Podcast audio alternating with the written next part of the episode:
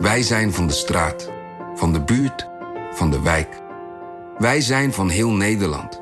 Samen zorgen we voor vrolijkheid, verbinding, feest.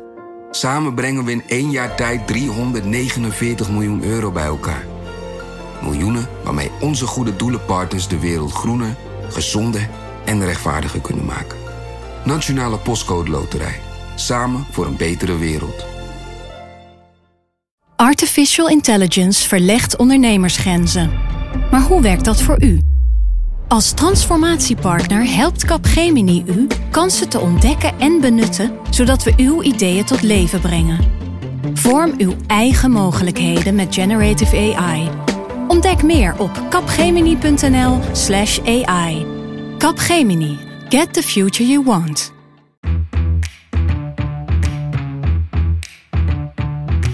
Dit is Haagse Zaken van NRC. Mijn naam is Lemja Aaron. Officieel was dit de laatste week voor het zomerreces, in ieder geval voor de Tweede Kamer. In de praktijk komt die Tweede Kamer de komende weken nog een paar keer terug om te debatteren over pensioenen, over Europa. Maar partijen zullen deze periode vooral gebruiken om alvast na te denken voor wat er komt na de zomer. Vanaf september zal de campagne wel zo een beetje beginnen. Moeten kandidatenlijsten gevormd worden. Van de lijsttrekkers die nu nog in een verkiezingsstrijd zitten, moeten we dan wel weten wie het zo ongeveer gaat doen. Gaat Rutte het wel of niet doen? Maar ook de oppositie houdt zich bezig met het verhaal dat zij na de zomer willen gaan vertellen. Hoe ziet hun kandidatenlijst eruit? Nou, in deze Haagse zaken maken we een rondje langs de oppositie. Je hoort wat er voor en achter de schermen gebeurt in voorbereiding op die verkiezingen. Welke politici zijn overgestapt, dat zijn er nogal wat geweest de afgelopen tijd. En over de nieuwe gevormde allianties. En de eerste oppositiepartij waar we het over gaan hebben is de PVV. En dat doe ik met chef van de politieke redactie Guus Valk. Guus, jij hebt de PVV uh, in de gaten gehouden de afgelopen tijd. Hè? Je hebt goed naar ze gekeken. Wat is jou opgevallen? Ik uh, was vooral geïnteresseerd in de manier waarop ze de coronacrisis uh, zouden gaan doen. En bij ze moet ik eigenlijk zeggen Geert Wilders, want de PVV is natuurlijk niet echt een partij. Um, ze hebben natuurlijk wel kamerzetels, maar de PVV is uiteindelijk gewoon een eenmanszaak. Hè? Geert Wilders zet daar de lijnen uit. en ik was benieuwd hoe ze zich zouden gedragen, hoe ze zich zouden opstellen in een periode dat Um, uh, dat het even over iets heel anders gaat dan waar zij zich normaal heel erg op richten. Want uiteindelijk is de PVV uh, een one-issue partij, zou je kunnen zeggen. En uh, dat ging even niet in de coronacrisis, want um, het veronderstelde gevaar kwam uit een heel andere hoek. Dus ik was heel erg benieuwd, hoe gaan ze dat doen? Wilders viel mij op in debatten, was, was scherp, was ook kritisch op de, de aanpak van het kabinet ondervroeg Hugo de Jonge ook vaak uh, scherp, de minister van Volksgezondheid. Maar wat me wel opviel was dat hij goed onderbouwd was. Dat hij uh, met een, uh, ja, een, een, een, duidelijk verhaal kwam. En eigenlijk ook wel soms bij tijd bij heel opbouwend was in zijn, in zijn kritiek. Dus het was eigenlijk een heel andere Wilders dan de Wilders die we, die we kennen. Ja. hij was veel minder een buitenstaander. Hij was veel meer iemand eigenlijk die meedacht. Oh, het wabberde wel af en toe, hè? Want af en toe zag je die oude Wilders er wel doorheen. Als we het hebben over die coronaweken, dan zat het ergens aan het begin dat hij tegen het kabinet zei dat, uh, even vrij vertaald, uh, dat hun beleid ervoor zorgde dat er mensen doodgingen. Hè? In, in iets stevigere woorden. Ja. Dat was helemaal aan het begin. En toen was er inderdaad een periode waarin het gewoon een goed debater was. Uh, om het maar even zo, zo te omschrijven. Ja, en iemand die, die wel heel kritisch was op de manier waarop bijvoorbeeld met de verpleeghuizen was omgegaan. En ook de catastrofe die zich in de verpleeghuizen heeft voltrokken, komt nu eigenlijk pas vol aan het licht. Het kabinet koos ervoor om medewerkers van verpleeghuizen en in de thuiszorg wekenlang zonder mondkapjes te laten werken. En dat deden ze bewust. En uh, bijvoorbeeld met het heropenen van de scholen. Maar um, hij gedroeg zich wel heel erg binnen de bandbreedte van de parlementaire mores. En daar uh, week hij wel af van de Wilders zoals we hem kennen. Die natuurlijk een, een vergeleken met de andere echt ja, uh, radicaal standpunt inneemt. En heel erg als buitenstaander blijft hameren. Uh, deze week was het grote racisme-debat in de Kamer. Nou, dat was weer helemaal de oude Wilders. Dat was ook helemaal zijn oude terrein. Een, een cultureel verhaal over de blanke Nederlander die, um, die, die zijn, zijn oude Nederland niet meer herkent. Dat was, dat was de kern van zijn verhaal. Maar in de coronacrisis was het toch wel echt heel anders. Ja, en dat was dus nieuw om hem in die rol te zien voor jou. Ja. Heeft hij eigenlijk al gezegd of hij weer door wil gaan in de komende verkiezingen? Hij, um, laat, uh, hij vertelt altijd hetzelfde verhaal daarover aan iedereen. Dat, dat hij altijd door wil gaan. Wilders is gewoon uh, verbonden aan de Tweede Kamer. Zo moet je het eigenlijk zien. Het tragisch is ook dat het, dat het ook echt zo is. Ja. Hè? In de zin van, uh, dit is wel gewoon een politicus die 24-7 beveiligd moet worden. Dus ja. En dat, dat gebeurt nu door de Kamer. Dat klopt. En uh, uh, hij is al heel lang Kamerlid, hè, sinds 1998. Hij hoort bij de drie langzittende Kamerleden um, van dit moment, samen met Kees van der Staaij en uh, Grisje Ariep, de voorzitter. En er is inderdaad op dit moment uh, geen enkele aanwijzing dat er een leven buiten de Tweede Kamer voor Wilders uh, in zou zitten, als hij dat zelf al zou willen. Hij um, laat iedereen weten dat hij, ongeacht hoe groot of hoe klein de PVV wordt, altijd het PVV-geluid zal blijven vertolken in de Kamer. En hij zegt ook wel eens van, hè, al zou ik maar één zetel hebben, dan zou ik het ook goed vinden, als ik maar gewoon mijn verhaal kan doen. Dus hij kiest echt heel erg voor um, het zijn van een getuigenispartij. Ja, en hoe staan ze ervoor nu in de peilingen? Ja, nou ja, door het, uh, het, uh, het, het, grote VVD-geweld zou je kunnen zeggen. De VVD staat op uh, ongeveer 40 zetels in de meeste peilingen in de peilingwijzer. Zijn ze niet enorm aan het doorbreken, maar ze zijn wel gewoon volgens de peilingwijzer de tweede partij van Nederland. Dus uh, je moet ook rekening houden met het scenario dat de PVV straks als een grote factor uit de bus gaat komen. Misschien wel met, met winst, misschien wel uh, um, houden ze zich goed staande, misschien worden ze zelfs wel de grootste. Alles is mogelijk, vind ja. ik. Dat fascineert me zo aan die partij. Want we hebben het er wel vaker over gehad. Je hebt natuurlijk Kamerleden van de PVV die best wel inhoudelijk zijn. Hè? Fleur Agema bijvoorbeeld op, op zorg. Zeker. Lilian Helder is heel goed. Ja, precies. Um, en die zien, die zien dat ze groot zijn. Die zien tegelijkertijd dat het een soort van vastloopt. Hè. Je, je, je bent eigenlijk veroordeeld tot die oppositiebankjes. Omdat andere partijen je voor een groot deel al vooraf hebben, uh, hebben uh, uitgesloten van, van, van de coalitiesamenwerking. Ja. Ik vraag me af wanneer dat gaat broeien in die partij. Want er lijkt nooit intern, nou ja, uh, vorig jaar bij Enzo en, en, uh, en Peter natuurlijk een stuk geschreven over Karin Gerbrands. Hè, en die sprak zich dan uit over Wilders en zijn minder positieve kant in haar ogen. Maar je ziet nooit intern in de fractie, we krijgen weinig mee van, van, van, van ruzies of machtsstrijd. Of... Ja, het is een gesloten bolwerk. Ik denk wel dat meetelt dat iedereen natuurlijk wel precies weet uh, wat hij of zij krijgt. Als je, zodra je lid wordt van de PVV-fractie, uh, weet je wel dat je zelf, uh, dat je eigen inbreng niet al te groot zal zijn. Um, en dat je toch met name er bent om mee te stemmen. En om in commissievergaderingen het woord te doen, maar niet om mee te, mee te bepalen wat het geluid wordt. Zo is, zo is de PVV gewoon niet georganiseerd. Maar ik vind de partij is natuurlijk de afgelopen jaren publicitair wat overvleugeld door Forum voor Democratie. Thierry Baudet haalt natuurlijk heel veel publiciteit. Um, met electoraal succes hè, in de provinciale statenverkiezingen vooral. Toen hij opeens de grootste van Nederland werd. Um, ik heb heel vaak uh, de analyse gehoord dat het wel klaar zou zijn met de PVV. En Geloof dat, je dat? Nee, want Geert Wilders is een um, gewoon, nou objectieve maatstaf, een beter Kamerlid dan Thierry Baudet. Hij is bedreven in het, in het, uh, in het vak, uh, kent precies de spelregels, waardoor hij ook heel veel uh, bandbreedte hier heeft en heel veel dingen voor elkaar krijgt. Heeft ook een eigen geluid gehouden. En uh, heeft ook een iets ander electoraat dan Forum. Ze blijken ook naast elkaar wel te kunnen bestaan. Ik zag laatst een foto van, uh, van uh, Wilders, Baudet en Hiddema bij Hiddema thuis. Ja, dat is interessant. Want er was dus lange tijd sprake van een niet-aanvalsverdrag. Ze beleefden eigenlijk naast elkaar en leven en laten leven. De laatste tijd zoeken ze steeds met elkaar samenwerking op. Ze, ze willen weer met elkaar gefotografeerd worden. Uh, Wilders is bij Hiddema thuis geweest en die, uh, die uh, foto is inderdaad op sociale media geplaatst. Dus er lijkt nu sprake van een strategie om samen op te trekken. Wat ook wel riskant is, want zo ontzettend wijken die verhalen natuurlijk niet van elkaar af. Dus, dus ze zitten nu eenmaal electoraal in elkaars vaarwater. Maar blijkbaar zien ze dat nu wel als um, strategisch handig. Zitten ze eigenlijk in, in hetzelfde electoraat, zit ik nu te denken. Want bij, uh, bij Forum, bij Forum zit er wel, wordt er wel gedacht.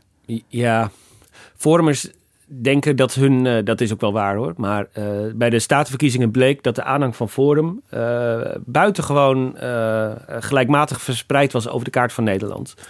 Dus ze zaten zowel in de grote steden als in de suburbs, als in uh, plattelandsgebieden, uh, kleine gemeenten in de regio, noem het maar op. Overal zaten ze.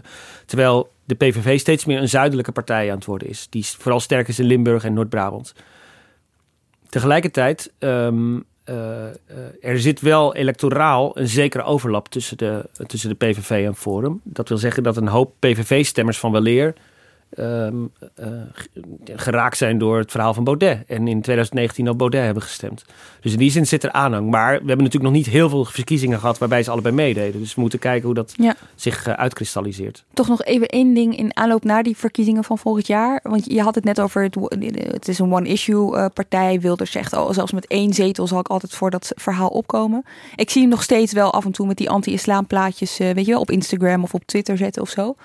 Maar ik vraag me af of zijn verhaal, we hebben het vaak over verhalen van partijen. En die zijn dan bezig met een nieuw verhaal.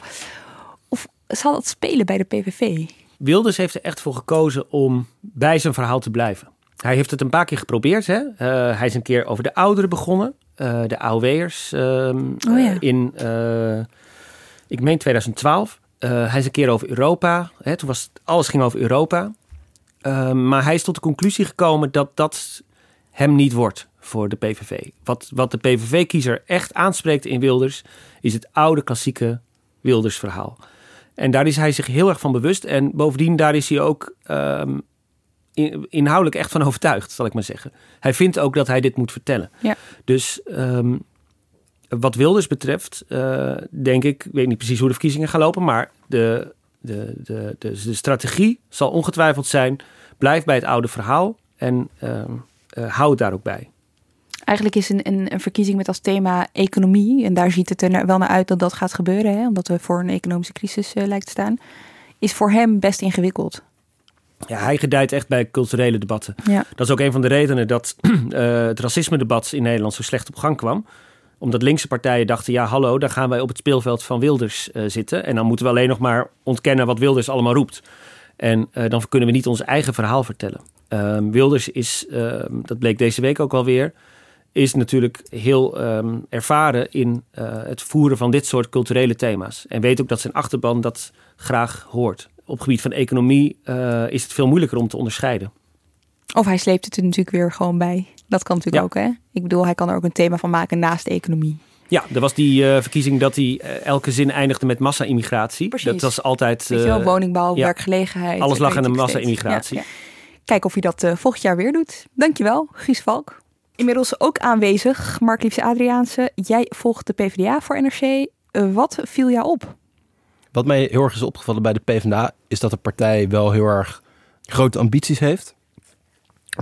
Asscher heeft bij zijn aankondiging dat hij opnieuw lijsttrekker wil worden... gezegd dat hij premier wil worden. Um, ze profileren zich heel erg als een serieuze oppositiepartij... met wie te onderhandelen valt. Asscher profileert zichzelf als de linkse oppositieleider... Is en hij dat ook? Ik denk niet dat er één oppositieleider is.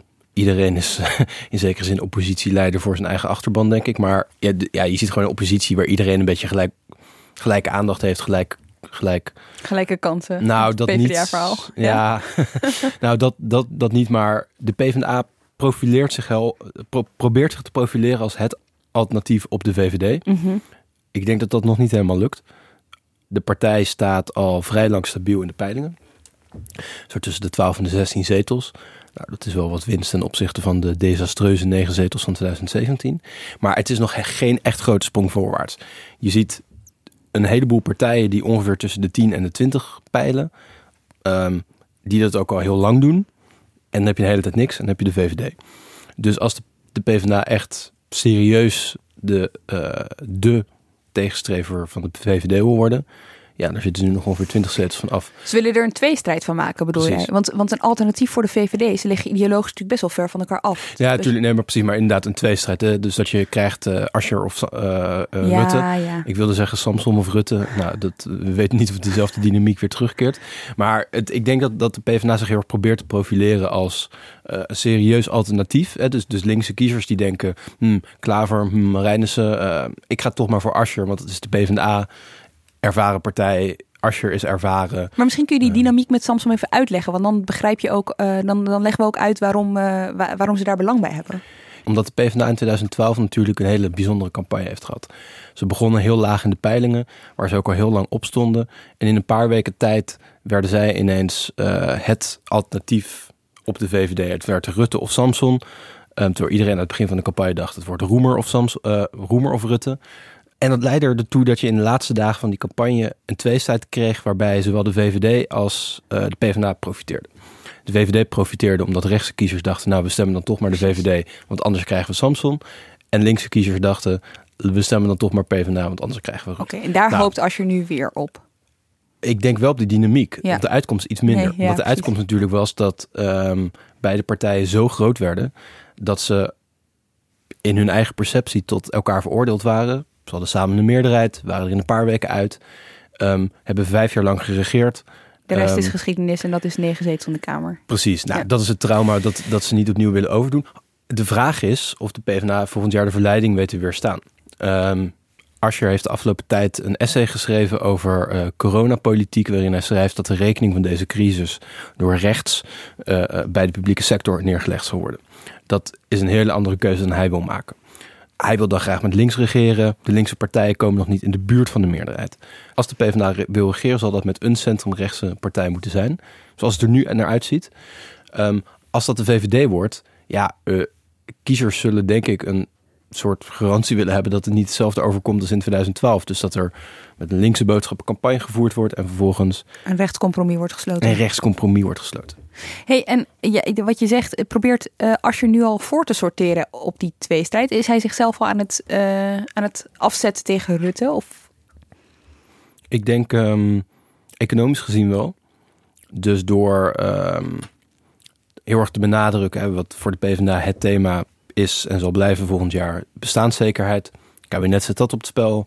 Hier staan wij als de PvdA voor stabiele banen, uh, goede huizen, goed onderwijs, goede zorg, bestaanszekerheid. Zal er toch een, een ehm, bureautje inge, inge, inge Ja, uh, ja die, hebben dat, die hebben dat samengevoegd inderdaad. Maar het is wel een thema wat de PvdA natuurlijk... Het, het zit in de haarvaart Maar als we vaak zekerheid horen, dan is daar wel echt over nagedacht. Zeker, ja. ja.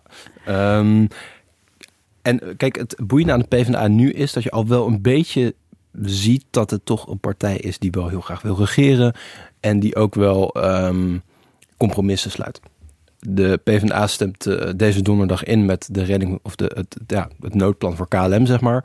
Ze vinden het geen ideaal plan. Ze hadden liever meer aandelen aangekocht, zodat de, de, de overheid, de staat, meer invloed krijgt binnen KLM. Maar ja, er staan wel 30.000 banen op het spel. Dus uh, waar de SP en GroenLinks zo'n of zo'n deal met KLM afsluiten, denkt de PvdA dan toch, ja, hm, het alternatief is mogelijk 30.000 banen verloren, willen we ook niet, dus we doen dit maar.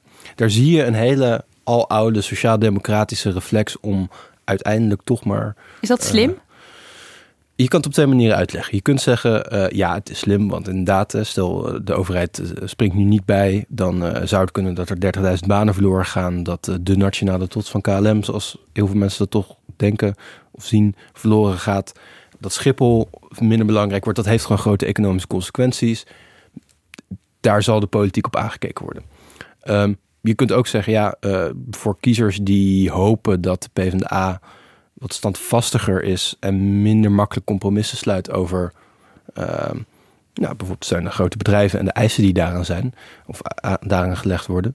Ja, die kunnen hier misschien wel weer een bewijs in zien dat PvdA minder principieel is dan ze zich de afgelopen jaren de oppositie soms heeft opgesteld. Ja, dus het is ja. Dat is het risico. Dat is een, kijk, dat is een risico voor iedereen die gaat regeren. Voor de PvdA is het een extra groot risico, omdat Um, vanwege de hele geschiedenis. vanwege uh, 2012, 2017, wat je net, Wat je net uitlegde, precies. ja precies. Dat je, en nu, um, nu lijkt het, het erop beeld dat je... blijft aan de PvdA kleven dat ze uh, iets beloven, een linkse campagne voeren, maar puntje bij paaltje toch ook heel graag willen regeren. Want waar ik nu aan denk is tijdens de algemene politieke beschouwing van vorig jaar, dus september 2019, toen was er natuurlijk GroenLinks, en daar zullen we het straks nog even met Philip over hebben. Uh, toen was natuurlijk GroenLinks en die stelde zich heel erg op als partij die super constructief was. Die uh, die, keer, die keurde in één keer alle begrotingen toe. En toen was Ascher, die hing daar enorm op tegen. Juist met het idee van wij gaan dit kabinet niet faciliteren. Als, wij, als, wij, als zij onze steun willen, dan willen wij er echt iets voor terug. Ik vind dat een hele, vond een interessante opstelling. Maar wat jij nu beschrijft, toont weer juist aan dat ze toch weer wat constructiever Zeker. En in het najaar wordt het ook interessant als er een tweede uh, hulppakket voor de economie op tafel komt. Het lijkt aannemelijk te zijn dat uh, de overheid dan meer eisen gaat stellen voor welke bedrijven subsidie krijgen dan in het eerste pakket. Nou, de, vraag is of de PvdA daar tevreden mee gaat zijn. Mm. Uh, of ze bijvoorbeeld te strenge eisen vinden met het risico dat er veel mensen hun werk kwijtraken. Um, maar dan misschien toch wel weer instemmen, want ja, het alternatief is erger. Ja. Dus voor de PvdA is altijd belangrijk, denk ik, de vraag of het alternatief ehm, erger is. En dat ze dan iets van hun eh, principes moeten afstappen om dat alternatief te voorkomen. Ja, dat moet dan maar. Ja. En ik denk dat je, daar, dat je dat nu een klein beetje ziet. En het wordt heel spannend hoe dat in het najaar gaat zijn. Ehm, en hoe dat vervolgens ja, na de verkiezingen zal zijn. Ik, ik durf me niet een eh, enige voorspelling te wagen, omdat het gewoon zo totaal onvoorspelbaar is nog. Hoe Nederland er over een paar maanden bij ligt, laat staan over negen maanden. Ehm, en hoe de hele politieke constellatie is. Maar ehm, Maar het, het verhaal tot slot, dat, dat, dat als je wil vertellen, want je, je, we hadden het Mhm. net al eventjes over die zekerheid en zo. Denk je dat, dat eh, het zwaartepunt voor hen echt op economie zal liggen? Nou ja, daar gaan ze zeker. nooit helemaal ze- zelf over, maar ja, nee, nou nee, eh, ja. oké, top, kort, Eh, helder. Ja, ik denk, ik denk het wel. Omdat, zoals het er nu naar uit lijkt te zien, zullen die verkiezingen toch heel erg gaan over de economische crisis waar Nederland dan waarschijnlijk in zit. Met honderdduizenden nieuwe werklozen. En de vraag of je die crisis gaat oplossen door te snijden in de overheidsfinanciën, door te bezuinigen of misschien te investeren. Nou, de PvdA wil nu heel graag investeren. Groot verschil met 2012 is denk ik dat ehm, de, de tijdsgeest ook gewoon anders is. Mhm. Toen wilde, toen was je eigenlijk gek als je zei dat je niet wilde bezuinigen. CPB, Nederlandse Bank, Europese Unie drongen er allemaal op aan. Dat is nu wel anders. Nu zijn er de lessen van 2012. Nou, nu zijn er de lessen van hard bezuinigen, inderdaad. En die worden veel breder gedeeld. Nu zeggen het CPB en de Nederlandse Bank... ja, dat die staatsschuld zo enorm oploopt. Kan eigenlijk wel. Ik denk dat het nu voordelig is voor de PvdA... dat ze minder door de tijdsgeest gedwongen worden... om in te stemmen met iets waar ze zelf misschien niet zo heel blij mee zijn. Dankjewel, Mark Liefse Adriaanse. En inmiddels aangeschoven in de studio, Pim van den Dol. Pim, een keer niet over corona, maar over de twee partijen die je volgt. En die eh, beschikken allebei over de letter S en P. Jij volgde? De SP en de SGP. Ja, het is... eh, Heb Heel je overzichtelijk. Goed, heb je goed uitgezocht. Laten we even beginnen met de eh, SP. Want ehm Marijnissen is lijsttrekker weer. Lijkt bijna een soort natuurverschijnsel dat dat, dat dat zo is. Maar is het wel zo vanzelfsprekend? Nou, wel als je de, de partij zelf eh, moet geloven. Een paar weken geleden eh, is zij gekozen op de, de, een online partijraad. En eh, toen ehm, eh, mocht senator Bastiaan van Apeldoorn haar namens de partij even aanprijzen. Hij had de commissie voorgezeten voor de kandidaat lijsttrekkers. Maar goed, Marijnissen was de enige kandidaat. Dus Er het waren echt geen een- tegenkandidaten. Er waren geen tegenkandidaten, dus het was al snel wat dat betreft een uitgemaakte zaak. Maar goed, hij zei toen dingen als van... Hè, zij is eh, de natuurlijke aanvoerder van onze kandidatenlijst. Ehm, hè, ze is eh, verbindend, ze heeft sterke ideeën over de partij. Ze kan systeemkritiek vertalen in politieke strategie. Nou, dat is echt zo op zijn SP's altijd. Hè, de, de leider even goed, eh, goed aanprijzen. Toen volgde er nog wel, want mensen konden online wel meedoen aan die partijraad. Er waren denk ik nog één of twee eh, SP-afdelingsvoorzitters die, eh, die het aandurfden om eh, aan die Bastiaan van Apeldoorn nog een kritische vraag te stellen over, joh, is Marijnissen inderdaad nou wel geschikt om onze lijsttrekker te zijn? hoe onderbouwden ze die vraag? Weet je wel? Nou ja, ehm, eh, zij twijfelde daaraan omdat, ehm, kijk, volgens mij zei je in het begin, Marijnissen weer lijsttrekker. Ze is pas voor het eerst lijsttrekker, maar ze leidt al een paar jaar de SP. Eh, oh ja, ze heeft, Roemer is natuurlijk... Precies. Ze heeft nog geen landelijke eh, verkiezingen gedaan eh, als leider. Oh ja. Maar ze heeft in die afgelopen paar jaar dat ze er nu zit... al wel drie verkiezingen meegemaakt... terwijl zij de partijleider was. Gemeenteraad, Europees, dat begon in 2018 met de gemeenteraadsverkiezingen. En het jaar daarop zowel de Provinciale Staten als de Ja. eh, Europese verkiezingen. En drie keer heeft de SP heel flink verloren. En in de peilingen, eh, tot een paar maanden geleden, eh, stond de SP er ook landelijk gewoon rampzalig voor. Met hè, eh, opnieuw een halvering, zoals ze dus ook bij de Provinciale Staten bijvoorbeeld al hadden meegemaakt. Dus als je kijkt naar de resultaten tot nu toe, is het helemaal niet zo vanzelfsprekend, zou je kunnen zeggen, dat Lydia Marijnissen de lijsttrekker zou worden. Dus die afdeling die hadden er vragen over. En hoe werd erop gereageerd? Ja, er werd dan gezegd van ja, we hebben wel met Lydia natuurlijk erover gesproken, over wat er ook beter moet. Ehm, maar ja, weet je, zij is gewoon eh, eh, degene die het voor ons moet gaan doen. Ja, ja. En kijk, wat, wat meespeelt, is dat er ook gewoon bij de SP echt niemand anders nu klaar staat. Of niemand anders eh, ja, het alternatief voor haar kan zijn. Ja, er het, was, waren het dus- was natuurlijk Sadat Karabulut een ja, tijdje, die, maar die, die werd gezegd... een tijdje, die heeft toen ook mee gedongen naar het fractievoorzitterschap. Nou, dat werd toen Marijnissen, dus toen heeft ze het al een keer van haar verloren. En Zij heeft natuurlijk toen bekendgemaakt een paar maanden geleden dat ze niet opnieuw de Kamer in wil. Ik denk ook omdat ze gewoon aanvoelde dat ja, de keus toch wel zou vallen op, uh, op Lilian uh, Marijnissen. En het was niet helemaal een eerlijke wedstrijd toen de tijd, toch? Dat, uh, daar, werd, daar heeft zij ook toen over geklaagd. Ja, ja. ja. Hey, en hoe is, het verder, hoe is het met de SP? Hoe staan ze ervoor? Nou, wat, kijk, wat je wel merkt, uh, als ik dat goed heb uh, begrepen uit de peilingen, uh, die heb ik even natuurlijk bekeken. En dat ze de laatste maanden dus ietsje aan het opkrabbelen lijken. Dus ze waren eerst, stonden ze er echt soms wel een halvering. Ze hebben nu 14 zetels in de Tweede Kamer. Stonden ze soms wel op ja, 6, 7, 8 zetels. Echt dramatisch. Dat zou natuurlijk een dramatische uitslag zijn volgend jaar. Uh, nu staan ze in de peiling wijzer. Dat is natuurlijk het uh, gewogen gemiddelde van alle grote landelijke peilingen wel weer op, um, volgens mij tussen de 8 en 12. Uh, dus dat is wel weer wat beter.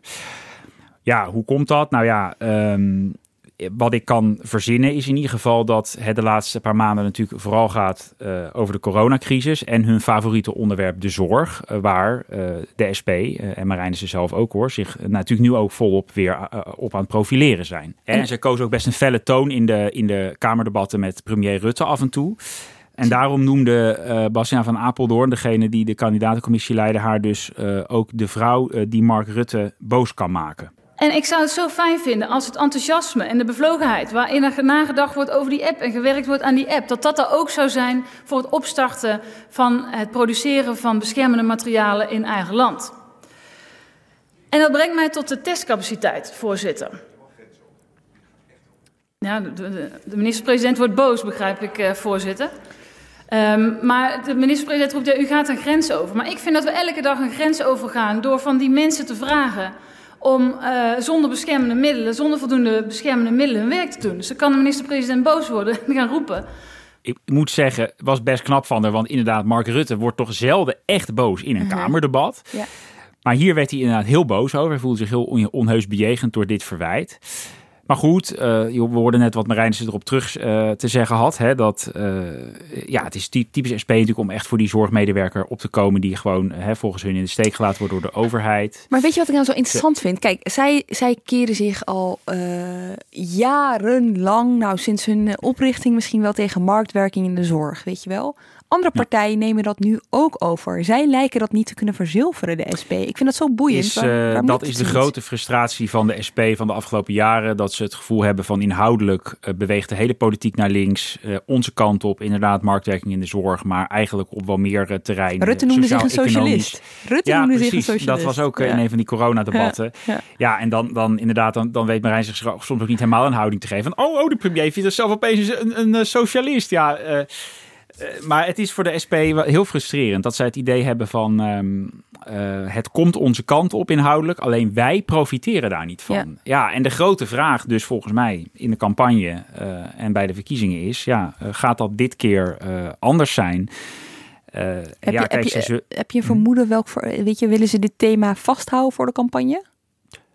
Uh, het thema zorg zullen ze absoluut willen vasthouden. Dat zal denk ik het, het speerpunt zelfs van de SP-campagne gaan worden. Ja, naast de economische crisis als die verergert en de, hè, de, de, ongelijkheid die daaruit kan, kan voortkomen.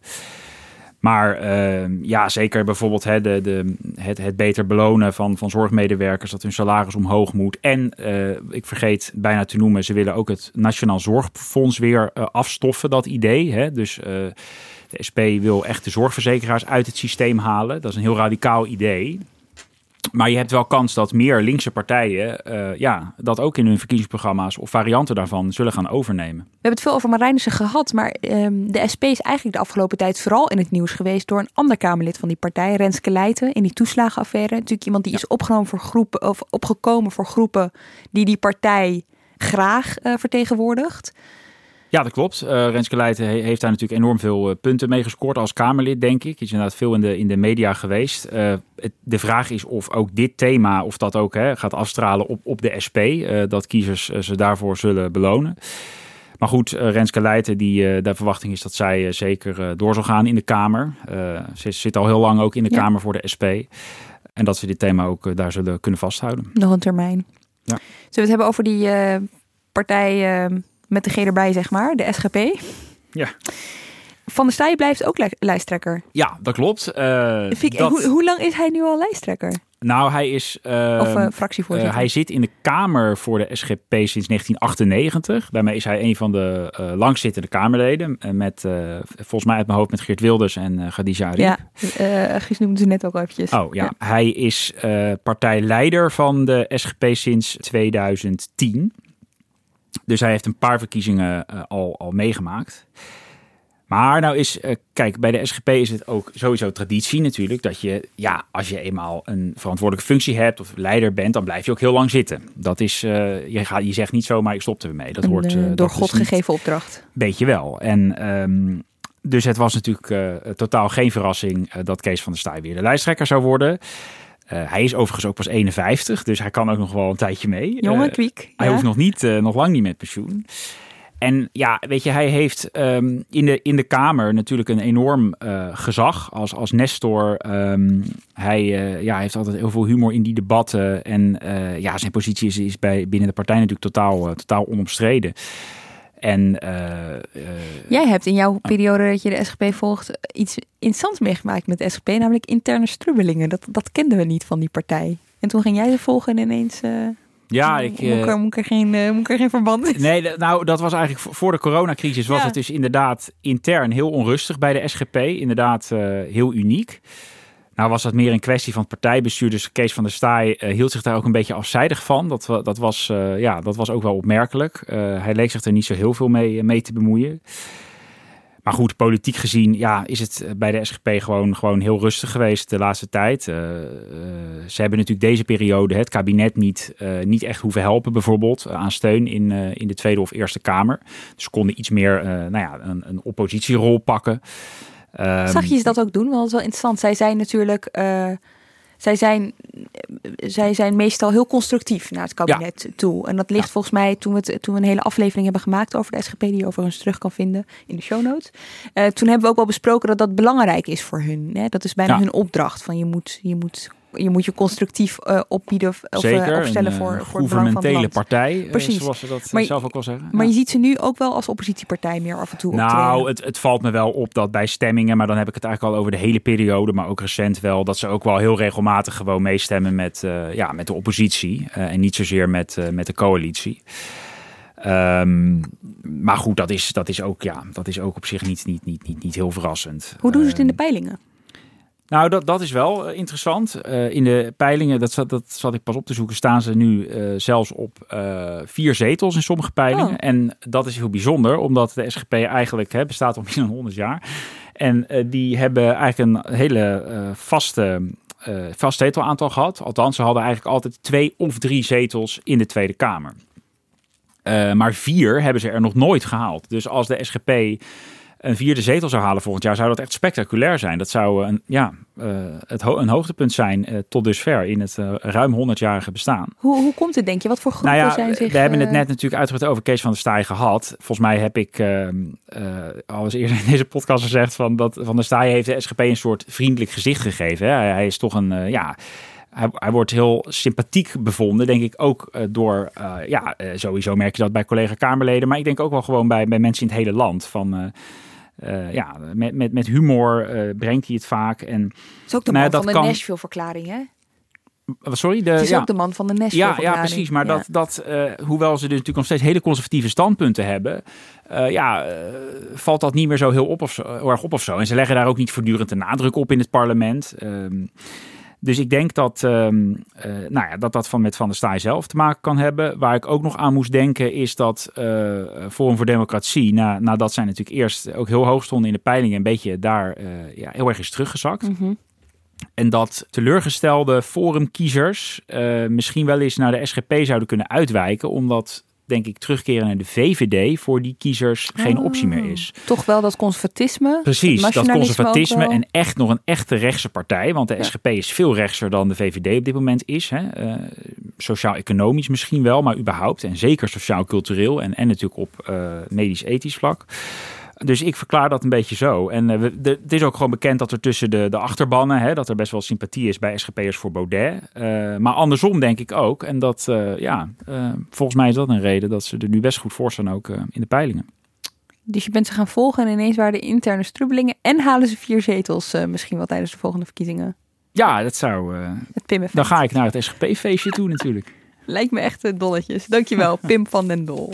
Filip de Witwijnen, jij volgt GroenLinks voor NRC. Ehm, Zeker. En daarover is inmiddels bekend dat Jesse Klaver voor de tweede keer lijsttrekker wordt. Hij had wel een tegenkandidaat, maar dat was maar heel even. En eh, hij is het eh, gewoon geworden met de algemene stem aanvaard. Op het eh, allerlaatste partijcongres in een leeg melkweg. Hè? Daar, daar- Melkweg. Ja. Daar, daar deed hij zijn verhaal. Ehm, hoe gaat het met GroenLinks? Laat ik daar maar eens even mee beginnen.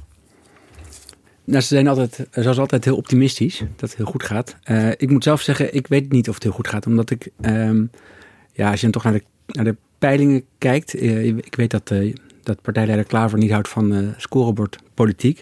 Maar peilingen zijn volgens mij een, niet, een, niet leidend, maar wel een indicatie met hoe het gaat met, met de stemming in het land.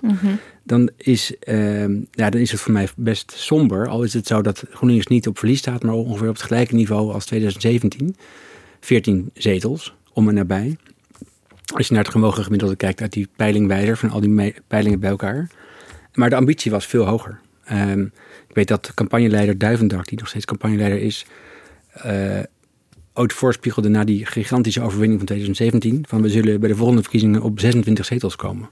Want in 2017 gingen ze van 4 naar 14, 14, de zetels. hoogste uitslag ooit. Dus alles ging goed. Eh, Jesse Klaver was toen net twee jaar partijleider. Mhm. Gaf de partij nieuw elan. Trok heel veel eh, nieuwe jonge kiezers aan. De partij was klaar voor om, eh, om te gaan meedoen en te gaan winnen. Hij wilde premier worden.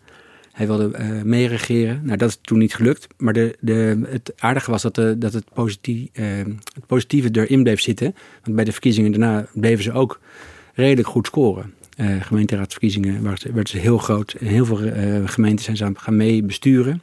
Met wethouders hebben als, wat ze zelf noemen, de kers op de taart, het burgemeesterschap van Amsterdam gekregen. Mhm. Dus die partij werd eh, heel snel volwassen en zou eh, ook het land gaan regeren, want het land moest veranderd. En ik denk dat het zicht daarop nu eh, niet, heel, niet per se heel veel groter is. En zeker niet zo groot als ze zelf destijds hebben ingeschat. Want even los van die peilingen, als je kijkt naar die partij zelf, waar staan ze? Waar zijn ze mee bezig? Eh, ze zijn voor mij best een tijd aan het zoeken geweest van waar, eh, welk verhaal moeten we gaan vertellen. Nu, eh, dat is echt gek. Hè? Het kabinet was natuurlijk het restkabinet voor het grote bedrijfsleven, het kabinet Rutte 3. Eh, dus in het begin was het makkelijk schieten voor alle oppositiepartijen, zeker voor de linkse. Toen ging het veel over dividendbelasting. De afschaffing van dividendbelasting was de grote doorn in het oog. Nou, die is ingetrokken, die afschaffing. Op ander vlak, belastingontwijking, klimaatbeleid, is het kabinet in zekere zin van eh, centrum-rechts behoorlijk opgeschoven naar centrum-links. Dus dan is het best lastig om als linkse oppositie daar tegen te zijn. En we hebben vorig jaar gezien, bij de eh, behandeling van de begroting voor, over dit jaar, Prinsjesdag en toen de algemene beschouwingen, dat GroenLinks ervoor koos, ben eh, echt strategisch, we gaan niet tegen de begroting stemmen. Dat riepen ze van tevoren al. We willen niet scoren op eh 100 miljoen hier erbij en 100 miljoen daar eraf. We- we vinden het een, op zichzelf geen slechte begroting van dit kabinet, dus we gaan hem steunen. Scorebordpolitiek en scorebordjournalistiek. Dat was het argument. Over, hè? Van, wil- Het gaat veel te veel over Ja. puntjes scoren en eh, Ja, wedstrijden ja, van maken. Dat vinden ze nog steeds. Nou, dit jaar is natuurlijk een bijzonder jaar vanwege de coronacrisis. Mhm. Je hoort GroenLinks zeggen dat, het, dat, het, dat de, de problemen, behalve de gezondheidsproblemen eh, en de crisis op de, op de, in de ziekenhuizen met de IC-bedden, de sociaal-economische gevolgen van de coronacrisis zijn natuurlijk, eh, liggen echt heel erg in, het, in de lijn met de punten die GroenLinks altijd al, al heeft. Hè. Eh, eerlijk, de lasten verdelen, sociale gelijkheid opkomen voor de publieke sector. Dat- zijn nu opeens cruciale beroepen. Hè? Eh, De verpleging, het onderwijs, ehm, eh, de, de politie. Daar kwamen zij natuurlijk al heel lang voor op. Eh, dus dat, dat verhaal willen ze blijven vertellen. Maar dat verhaal wordt eigenlijk door iedereen omarmd. Dus en dat is- lijkt me zo ingewikkeld. We, we hadden het net met Pim over de SP. Die gaan natuurlijk veel over de zorg. Eh, die ageerde lange tijd over marktwerking in de zorg. Nu zie je dat andere, andere partijen dat, dat ook aan het doen zijn. Ook coalitiepartijen. Zit GroenLinks een beetje met hetzelfde probleem? Dus dat je niet meer zeg maar, de issue owner over je eigen problemen bent. Maar dat andere partijen dat zijn gaan omarmen? Ja, dat denk ik ook, dat het een probleem is. Eh, daarbij komt natuurlijk klimaat. Dat is, eh, dat is echt voor GroenLinks een heel belangrijk onderwerp. Nog steeds. Dat gaan ze ook de komende eh, verkiezingscampagne doen. Maar dat hebben, nou ja, door, door nood geboren, hè, het stikstofdossier... ehm, en de, de klimaatafspraken internationaal. Het kabinet moet meer doen en moet meer leveren. Andere partijen gaan daar ehm, met moeite mee akkoord of zijn er nog eens tegen. Maar dus dat verhaal wordt al eigenlijk omarmd. En eh, het zorgverhaal is een SP-verhaal, maar daar is GroenLinks ook. eh, ineens merk je dat GroenLinks heel erg op de zorg zit. De discussie, de discussie nu over moeten we die zorg ook nu meer belonen, meer waarderen, anders dan eh, bovenop het applaus wat we hebben gegeven. Daar is GroenLinks nou ja, erg, erg fel in. Er was de afgelopen week de discussie over die, die bonus. Die komt er dan van 1000 euro. Dat is voor GroenLinks niet genoeg. Die willen echt een structurele loonsverhoging, zoals de PvdA een paar jaar geleden gedaan kreeg voor het onderwijs. Eh, en nu zegt eh, de partij, Klaver voorop, eh, als we die loonsverhoging niet krijgen straks in de begroting van volgend jaar, dan gaan we daar niet voor stemmen. Dus geen zijn- cadeautje voor het kabinet dit nee, jaar. Dit jaar geen cadeautje voor het kabinet. Heeft ook met iets anders te maken, behalve dit eh, principiële punt dat de zorg beter moet worden beloond. Het andere puntje is principieel. Vorig jaar ehm, heeft GroenLinks ook het belastingplan gesteund. En het argument was van ja, het belastingplan, er zit, daar zit eh, la- eh, lastenverlichting in voor de, voor de burger en geen lastenverlichting in voor de bedrijven Dus daar kun je niet tegen kun je niet zijn. tegen zijn. Ja. En zit er zit er wel een verlaging van de vennootschapsbelasting voor bedrijven in. Daarvan zegt GroenLinks dat moet van tafel, want daar kunnen we niet mee leven. Dus ze zullen er tegen stemmen als die winstbelastingverlaging doorgaat. Eh, wat daarbij ook gemakkelijk is, is als die, eh, daarmee kunnen ze met, die, met het ehm, behouden van die winstbelasting op, de- op dat niveau, of het zelfs verhogen daarvan, eh, halen ze geld op om eh, andere pannen te kunnen betalen. En dit zien ze niet als scorebordpolitiek. Ja, ik zou zeggen van wel, maar ze zeggen nee, dit is echt een eh, inhoudelijk punt. En we, we, zijn gewoon niet tegen een begroting als we ermee kunnen leven. Ja. Dat was meer het punt. En in de onderhandeling kiest GroenLinks een andere route. Ehm, niet per se ergens tegen zijn om dan iets te kunnen binnenhalen. Om dat vervolgens met veel eh eh, tromgerol en applaus in de krant eh, terug te kunnen lezen. Ze willen het liever dan achter de schermen regelen. Dat is hun, hun strategie. Hij is dus nog een keer lijsttrekker, Klaver. Ja, even, even terug naar de Melkweg, want hij gaf daar een speech. Hè? Ja. En dat was een. ik kreeg een beetje tv, eh, eh, ja, tv-dominee vibes, als je snapt wat ik bedoel. Ik zie je is na ik hou van je misschien wel het belangrijkste wat je tegen iemand kunt zeggen. Maar hoe vaak zeggen we het eigenlijk? Wanneer heb jij het tegen iemand gezegd? Ik zie je. Ik hoor je. Wanneer hoorde jij het voor het laatst? Geen plan, niet al het geld van de wereld, geen debat kan daar tegenop. Erkenning. Hij, hij keek hierbij recht in de camera, hè? dus dat, was, dat maakt het allemaal nog net iets Ja. indringender. Ja, en, en eh, de ironie is dat de zaal leeg was. Dus Ja, hij, zag, hij zag helemaal niemand. Hij zag alleen de camera. Ja, Maar goed, ehm, wat is dit toch? Waar, ja, wat, eh, nou ja, er zit ook een soort van eh, poëzie in. Er is over nagedacht in, de, in taal, zeg maar maar. past dit, past dit bij GroenLinks? Nou ja, je had, je had het over de tv-dominee. Eh, bij de vorige campagne eh, werd hij de, Massie, de Jessias genoemd. Oh ja. Toen had hij ook eh, had hij volle zalen. En toen stond hij er ook wel als een preacher eh, zijn ehm, achterban eh, toe te spreken. Eh, ik denk dat dit een keuze is, voor, oh, juist ook vanwege die, ehm, eh, die omstandigheid van de lege zaal. Maar dat is wel een aspect. Eh, dat wordt denk ik vervelend voor GroenLinks. Daar baalt het ook enorm van. Kijk, iedereen baalt van de coronamaatregelen. Die zijn dan weliswaar versoepeld. Maar grote evenementen kunnen niet, do- niet doorgaan. En een van de twee grote verworvenheden en successen van de campagne van GroenLinks in 2017 waren die grote bijeenkomsten. Die ze heel mooi op zijn Amerikaans meetups noemden. Daar is klaar voor op zijn best. Grote mensenmassa's toespreken, zeker als het eigen eh, fans zijn. Dat kan nu niet. Je kunt niet ehm, eh, een zaal huren met ehm, eh, een paar honderd mensen die niet. die moeten anderhalf meter afstand houden. Dus is de capaciteit beperkt. Hoe gaan ze dat doen? Nou, dat wordt heel lastig. Ze zijn aan het nadenken over. Want hij wilde op een theatertournee gaan vanaf het najaar. Ja, dat begreep ik ook. Ze waren echt aan het balen, want hun hele campagne is eigenlijk omge... Ja, dat is lastig. Dus ze zijn bezig met een alternatief te bedenken. Mogelijk ook eh, omdat het buiten wat makkelijker kan, dat, dat ze evenementen buiten gaan eh, organiseren. Eh, nou ja, op het Malieveld, dan moet het ook een beetje, een beetje mooi weer zijn, in ieder geval droog zijn. Je kunt natuurlijk ook dan, de, alhoewel Jesse Klaver kon goed in de regen poseren als er... eh, heb jij dit niet opgeschreven, Lemja, dat er een demonstratie was met Ik regen? was het niet, maar ik heb het gelezen. Ja, en dat, hij toen paraplu... geen paraplu wilde gebruiken, want natte haren, dat kan beter over. Maar goed, ze gaan dus iets proberen te bedenken. Eh, of kleinere zalen of, of, of evenementen buiten. Dat kan. En eh, want in diezelfde speech die we net hoorden, zegt hij nog iets interessants. Dat gaat over hoe GroenLinks zich de komende tijd wil opstellen. Ja. Zij willen heel graag meeregeren. Ja, eh, waar de vorige keer toen hij net, net aankwam, of net kwam als, als nieuwe jonge leider, was de ambitie heel eh, stoer, die nu wel bij anderen hoort. Ik wil premier worden. Ehm, nu is de ambitie in zekere zin een beetje teruggeschroefd. Hij zegt, ik wil mee regeren. En daarom ben ik erop gebrand om GroenLinks voor het eerst in een regering te leiden. Samen met een links- en progressief motorblok van Partij van de Arbeid, de SP en D66. En dan gaan D66 vooral voorop. Die, die gaat natuurlijk zeggen, ja, wacht eens even, straks in de campagne. Jij hebt de kans gehad, maar je hebt het niet gedaan. Precies, want eh, we weten het nog, in de formatie 2017 heeft Klaver lang meegesproken. Eh, is een keer ehm, eh, daarmee gestopt, dus heeft het eh, afgebroken, is toen weer teruggekeerd en toen is hij definitief gestopt. Het was een discussie over de, eh, over de migratie, over de, de, de vluchtelingen. Dat, daar kwamen ze niet uit. Je zegt D66, hij kon het heel slecht met Pechtold vinden, heb ik het idee. in die onderhandelingen nadien ook. Dat heeft... ehm, nou ja, dat, dat is gewoon nooit goed gekomen. Het feit, het feit dat Pechtold nu hier niet meer zit, betekent dat hij misschien wat makkelijker met, met D66 kan gaan samenwerken.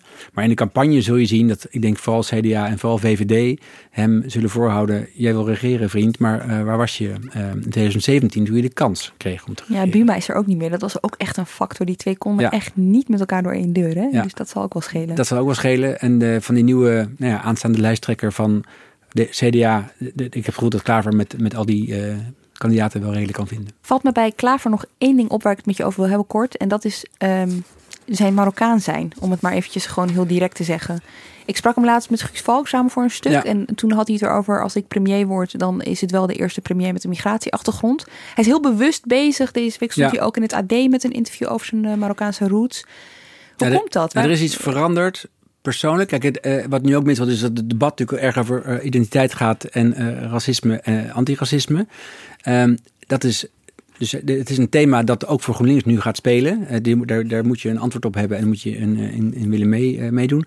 Daarbij het persoonlijke. Jesse Klaver heeft drie jaar geleden zijn vader hervonden. En zijn vader is van Marokkaanse komaf. Dus hij heeft, hij heeft Mar- Marokkaans bloed. En dat heeft hij nooit gevoeld, omdat hij zijn vader nooit had ontmoet tot drie jaar geleden. En inmiddels heeft, heeft hij met zijn vader en vooral met zijn eh, halfzussen en halfbroers contact. Dat heeft hem eh, ja, ook aan het denken gezet over wie, wie ben ik en wie was ik geweest. Hij, hij kan beter invoelen als hij met, een, met die Marokkaanse vader was opgegroeid met een Marokkaanse achternaam, die ik overigens niet ken. Dan had hij ehm, ook wellicht meer moeite gehad op de arbeidsmarkt, eh, in de politiek eh, en bij het, het aanvragen van een ehm, sociale huurwoning. De problemen van eh, racisme, discriminatie die bestaan. En hij is zich daar beter in gaan verplaatsen en maakt het ook persoonlijker. Dat heeft hij natuurlijk altijd al gedaan. Want hij heeft in de vorige campagne begon hij over zijn, vaak over zijn ehm, grootmoeder van, eh, van Indische komaf. Dus Daar had hij ook een, eh, een verhaal met een multiculturele achtergrond. Maar nu dus heel erg, eh, ja, ik vind het een vervelend woord, maar de, de, de, de migratiekaart, Ja. die speelt hij wel. En het komt op zich wel uit in het debat van het moment natuurlijk. Ja, dankjewel. Ja. Filip de Witwijnen. Inmiddels aangeschoven hier bij mij in de studio is Jos Verlaan. Jos, goed je weer te zien. Ja. Is alweer een, eh, een, eh, tijdje terug. De eerste keer in de studio. En jij volgde twee partijen tot voor kort, maar ineens werden dat er drie. Drie. Dus de laatste keer dat ik hier in de uitzending was, dat was eh, nog van thuis uit. Toen waren er inderdaad twee partijen die ik volgde, 50 plus en de Partij voor de Dieren.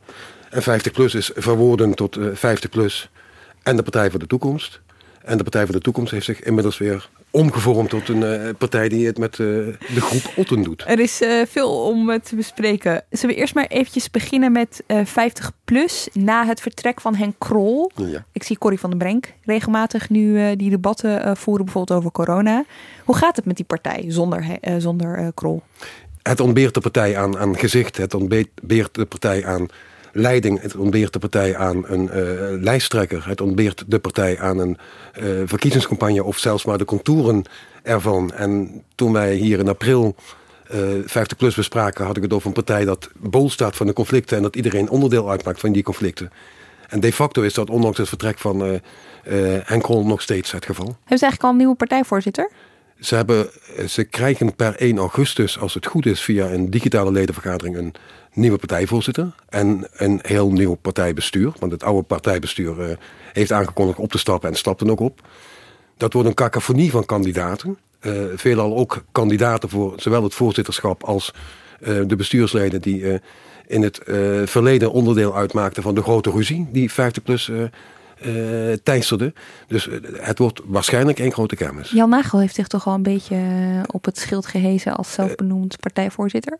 Jan Nagel heeft zich na het vertrek van Geert Dales opgeworpen als, als crisispartijvoorzitter die het gaat doen tot aan de verkiezingen als crisispartijvoorzitter ook die de 50PLUS terug gaat brengen naar minimaal hetzelfde aantal zetels, dus vijf, dat de partij nu heeft. En daar, daar maakt hij ook, met wie dat dan ook wil, maakt hij daar weddenschappen over. Hij moet dat voorzitterschap nog via die digitale ledenraadplegingen, hè, dat, via het congres, nog in de wacht slepen. En Jan Nagel heeft, gezien zijn verleden, niet alleen maar fans binnen Nee. 50 plus. Zitten ze eraan te denken om van Corrie van Brenk ook de lijsttrekker te maken? Eh, ze denken aan... Of wil zij dat? wat- De naam die het meest opgaat als eh, lijsttrekker is Martin Verrooyen. Oh, de comeback van Martin De van Rooyen. comeback van Martin Verrooyen. Maar niemand heeft van Martin Verrooyen gevraagd, wil je eigenlijk Hij is wel? senator nu, hè? Hij is nu 50 senator in de. Eerste Ja. Kamer. En het verhaal gaat dat hij dat naar alle waarschijnlijk niet zal gaan willen. Mm.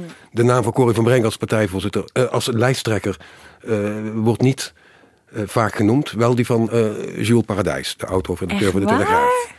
Eh, waarbij het ook onwaarschijnlijk is dat die. Maar zijn naam wordt in de correspondentie die ik tegenkom, interne correspondentie, wordt zijn naam genoemd. Maar het meest wordt genoemd Martin van Rooyen, maar tegelijkertijd ook met de bedenking erbij: de man is te oud, de man heeft eh, er zelf niet meer zo heel veel zin in om een hele campagne te gaan trekken. De man gaat het waarschijnlijk niet doen. En dan is het natuurlijk belangrijk om daarbij mee te wegen wie wil de lijsttrekker worden van een partij die eh, gepeld wordt op één zetel nog. Wie wil de lijst worden van lijsttrekker worden van zo'n partij? Maar de vraag is ook eh, hoe groot het arsenaal is waar de 50PLUS uit kan putten. Want ze hebben al een, eh, een, een procedure gehad om een kandidatenlijst vast te stellen. Die is vastgesteld. Dat zijn, ik zou maar zeggen, de 92 kandidaten die eh, uit de kaartenbak van toenmalig voorzitter Geert Dales en Henk Krol zelf kwam. Die zijn- 92? Hebben ze dat waren, 92 dat waren toen 92 kandidaten, maar de kandidaten, de meest veelbelovende kandidaten, is het verhaal, want het is allemaal vertrouwelijk, die hebben inmiddels afgehaakt vanwege de enorme ruzie. Ja. Uit die bak moet ze dadelijk wel een lijsttrekker getrokken worden, tenzij het congres heel anders en procedures anders gaat invullen enzovoort. Tenzij het congres anders zou besluiten. Wanneer was dat congres nou? Dat congres is 1 augustus. Oké, dat wordt dus geen eh, rustige zomer. Overigens eh, is ook al 50 dat is heel markant omdat eh, Jan Nakers zich heeft gekandideerd als partijvoorzitter. Is het heel pikant dat zijn dochter op de, die kandidatenlijst, die vertrouwelijke kandidatenlijst voor de Tweede Kamer staat. Dus je krijgt zo dadelijk eh, een partijvoorzitter, als hij het wordt, die dan gaat of meebeslist over een definitieve kandidatenlijst waar zijn dochter op staat. Ja, ja. Laten we even kijken naar de partij waar dat bekende gezicht Henk Krol uiteindelijk naartoe ging. Of het, de partij die hij oprichtte ook, eh, mede oprichtte. Wat is eh, er gebeurd met Henk Krol? Henk Krol heeft een zorgvuldig georchestreerd eh, scenario eerst eh Geert Dales uit de partij laten vertrekken. Die dat aankondigde bij Buitenhof. Vervolgens was het de bedoeling dat Henk Krol dat op de donderdag erop ook zou aankondigen bij eh, WNL. Dat is iets later geworden, maar vervolgens heeft Henk Krol ook zijn vertrek aangekondigd. Toen is er een Partij voor de Toekomst in de stijgers gezet. Die stond al in de stijgers, dat is verder uitgebouwd. Daar heeft Henk Krol eh, Femke Merel van Koten mee naartoe genomen. Een, splinterpartij En, van Fem- de Femke Merel van Koten kwam van de Partij voor de Dieren. En zij met z'n tweeën hebben nu besloten dat ze eh, samen met de groep Otten in zee gaan.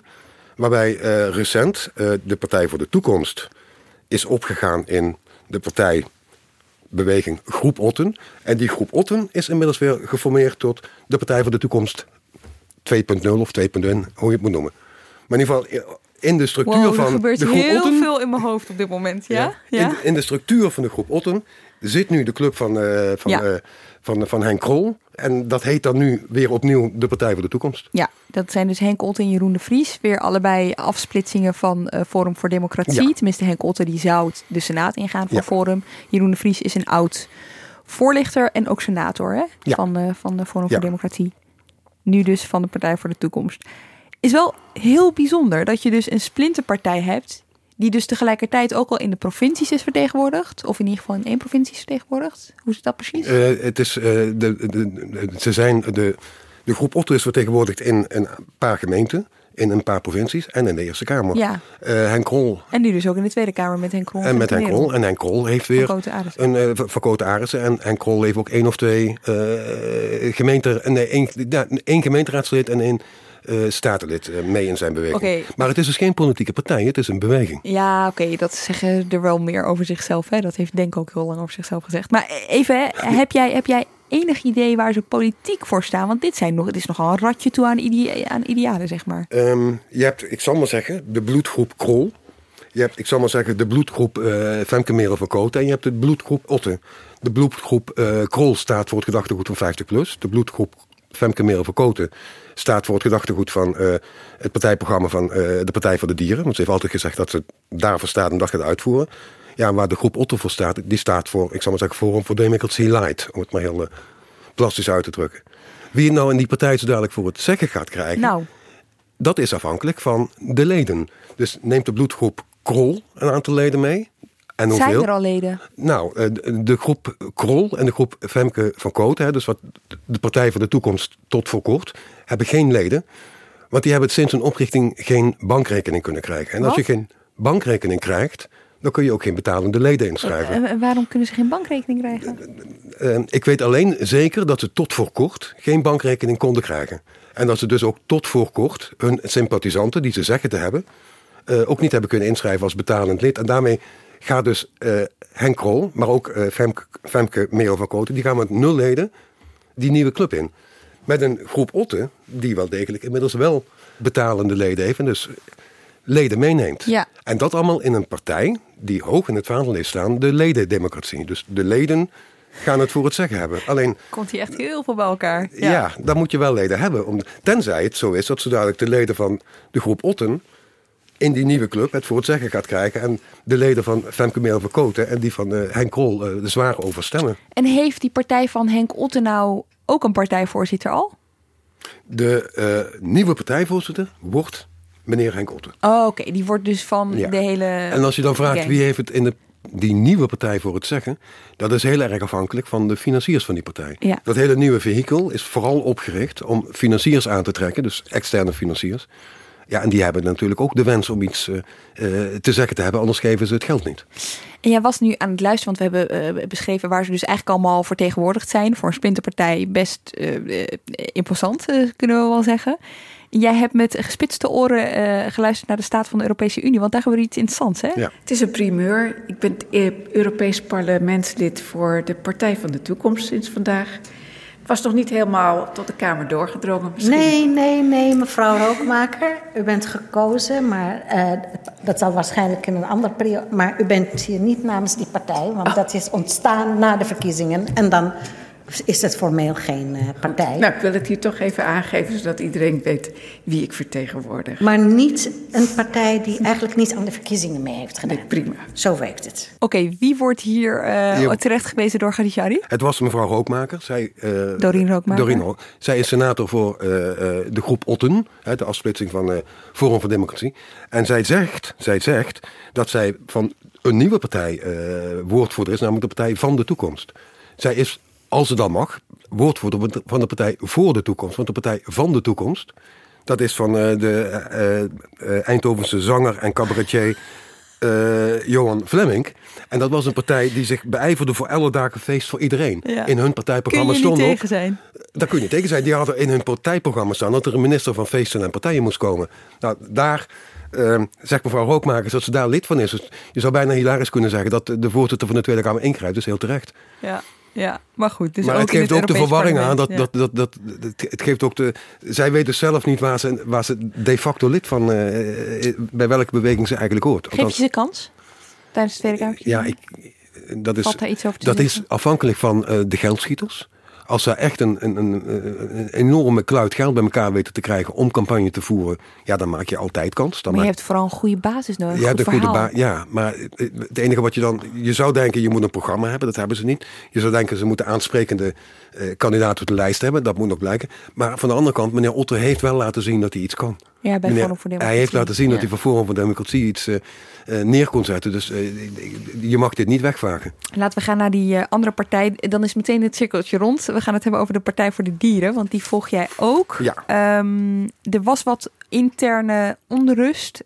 Dat ging over de partijvoorzitter, Sebastian Wolfswinkel. Ja. Die werd er uitgezet. Eh, dit jaar? Of was dat alweer afgelopen jaar? Het volgt elkaar soms allemaal zo snel op. Maar goed, daar hebben we toen hier uitgebreid over gehad. Ja. Hoe is het nu met de partij? Nou, eh, wat je kunt in ieder geval kan vaststellen, ook gezien het voorgaande, is dat de Partij voor de Dieren virtueel op dit moment 2,5 keer meer zetels heeft dan de Partij voor de Toekomst en 50PLUS bij elkaar.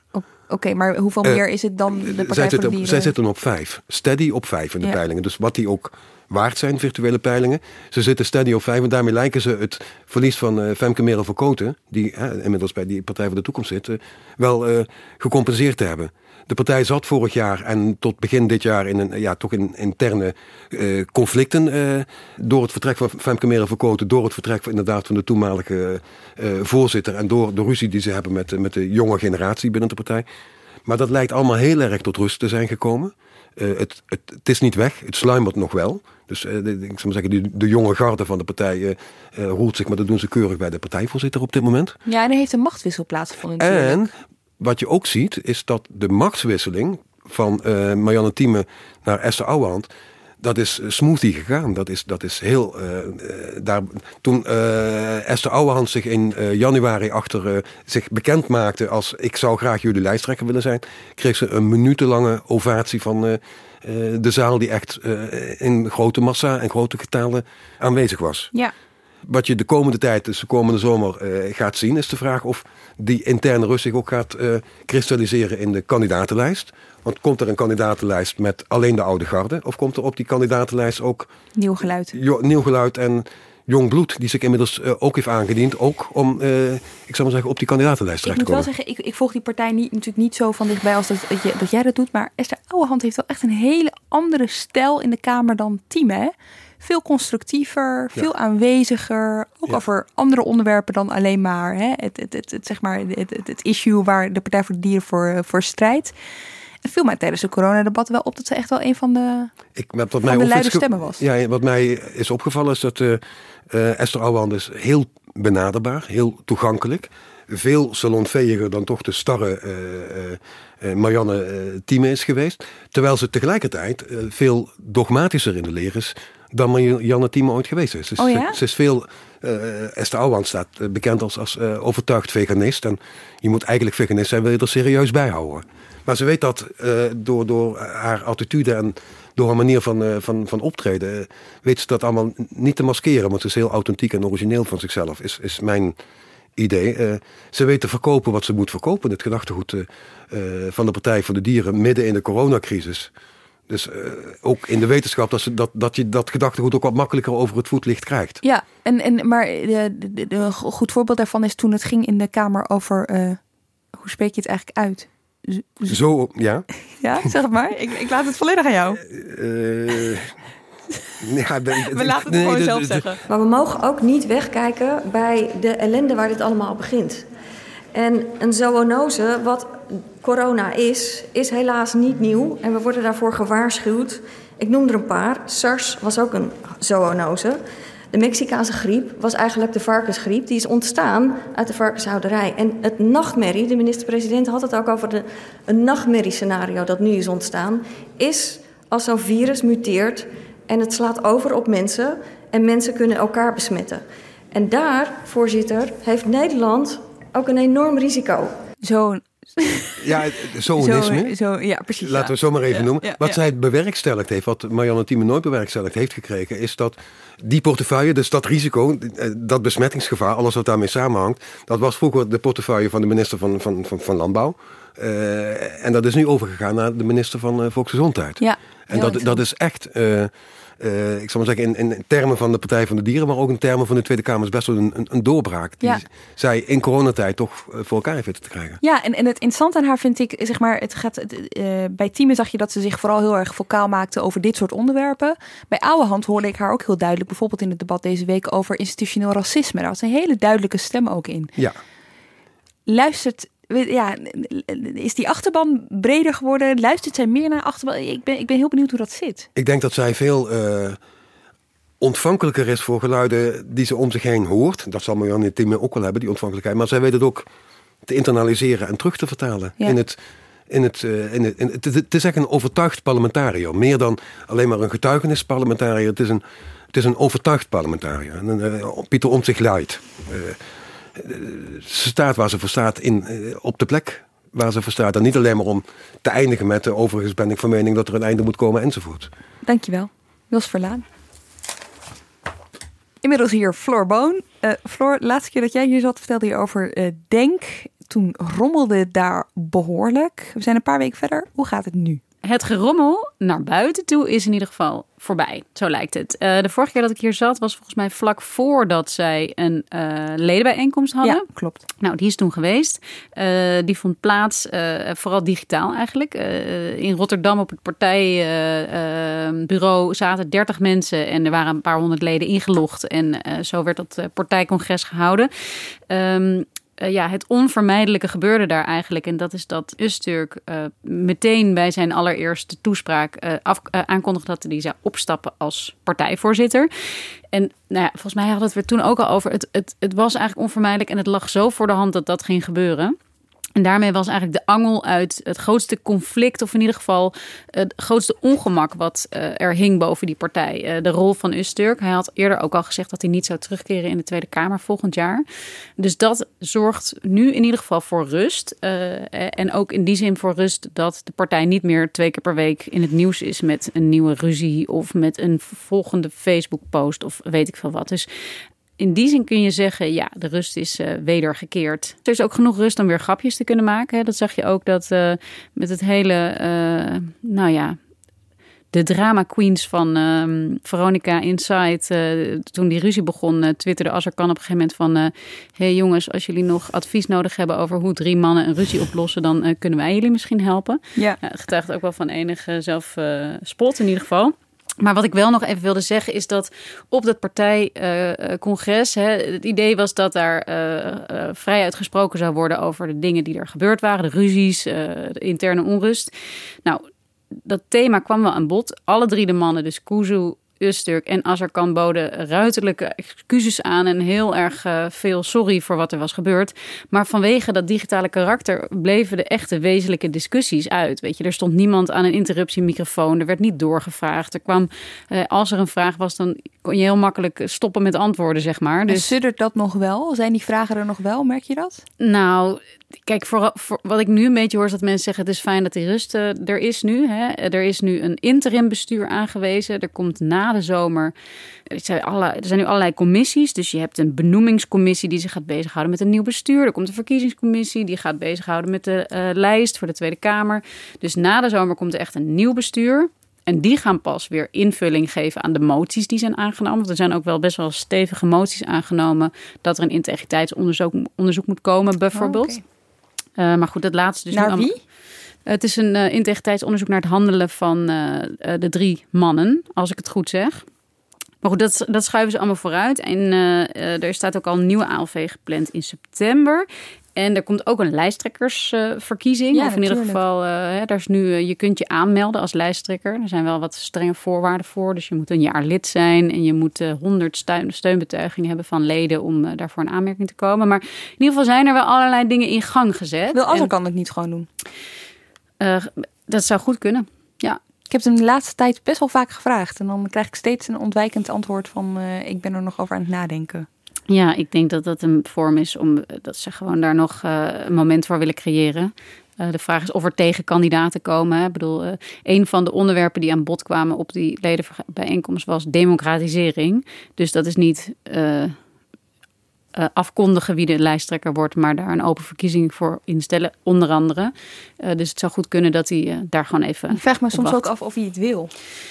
Ja, dat is een goede vraag. Kijk, uh, Kuzu heeft natuurlijk een stap terug gedaan uh, nadat bekend werd, uh, of in ieder geval dat zo begon deze hele ruzie eigenlijk, dat hij zei van ik keer volgend jaar niet terug in de Kamer en ik draag mijn fractievoorzitterschap over aan Azarkan. Maar ook hij, ja, het is nog steeds een, een, een, een, speler van belang, zeg maar, en nog steeds het gezicht heel erg van de partij. Dus ja, ik, ik weet het niet. Ik heb het ze niet gevraagd. Ze worden op nul zetels gepeld, hè? Tussen de 0 en de 2. Okay. Ja, dat is dus heel moeilijk. Het is ook heel moeilijk bij dit soort kleine partijen om dat te zien. En je ziet ook wel dat bij Denk het vorige keer heel moeilijk was om, uh, om deze groep inzichtelijk te krijgen, omdat het veel niet-stemmers waren. Ja. Wat je wel merkt, vandaar dat ik, uh, vandaar dat ik me vraag, uh, afvraag tot slot of als ik aan het wil of niet, is zeg maar, de Kamer heeft zich heel duidelijk heeft, heeft mening over Denk. En, en de afgelopen dagen zag ik echt een paar keer. eh, Eerst was het in het toeslagendebat. eh, het was ook in het racisme-debat. eh, in het debat over institutioneel racisme, moet ik zeggen, van, van deze week. Dat Azarkan steeds werd aangesproken op eerdere filmpjes die gemaakt werden door Denk over andere Kamerleden met ja, van niet-westerse achtergrond. Ehm, en je ziet in zijn reactie daarop dat hij eigenlijk vindt hij het allemaal best wel irritant dat, dat het steeds ter sprake komt. En dat sterkt mij in de gedachte van, heeft hij er nog wel zin in? Ja, dat is een, maar eh, dat is een goede vraag. Kijk, ik, wat je ziet, en dat is misschien wel aardig om dat even dat fragment te laten horen. In het eh, debat over institutioneel racisme zag je dus een, hè, een fragment wat op heel veel plekken herhaald is. Een harde aanvaring tussen Ascher en Azarkan. Maar feit is, voorzitter, dat mensen op basis daarvan, van die krantenkoppen, waar de heer Asje verantwoordelijk voor is, worden afgewezen. En ik vind dat hij die verantwoordelijkheid heeft. Dus ik zou graag willen zeggen, Piet daar ook gewoon excuses voor aan. Dan kunnen we het achter ons laten. De heer Asser. Voorzitter, dit is toch wel schunnig hoor. Dit is toch echt wel. Ik probeer een goed antwoord te geven op de vraag met die stapel moties die de heer Azarkan heeft, heeft voorbereid. En nu gaat hij mij verwijten dat het te makkelijk is. Nu gaat hij op, op tamelijk hoge toon hier van mij excuses eh, aanbieden. Voorzitter, hoe zullen we het nou krijgen? Voorzitter, Sadet Karabulut, Zini Usdil, Sultan Guno, Keklik Yücel, Khadija Arif. Talloze, fatsoenlijke volksvertegenwoordigers die hier hun werk doen. Nevin Eustok, die door de partij Denk van de heer Azarkan etnisch geprofileerd zijn. Op filmpjes, tot aan de Turkse televisie aan toe.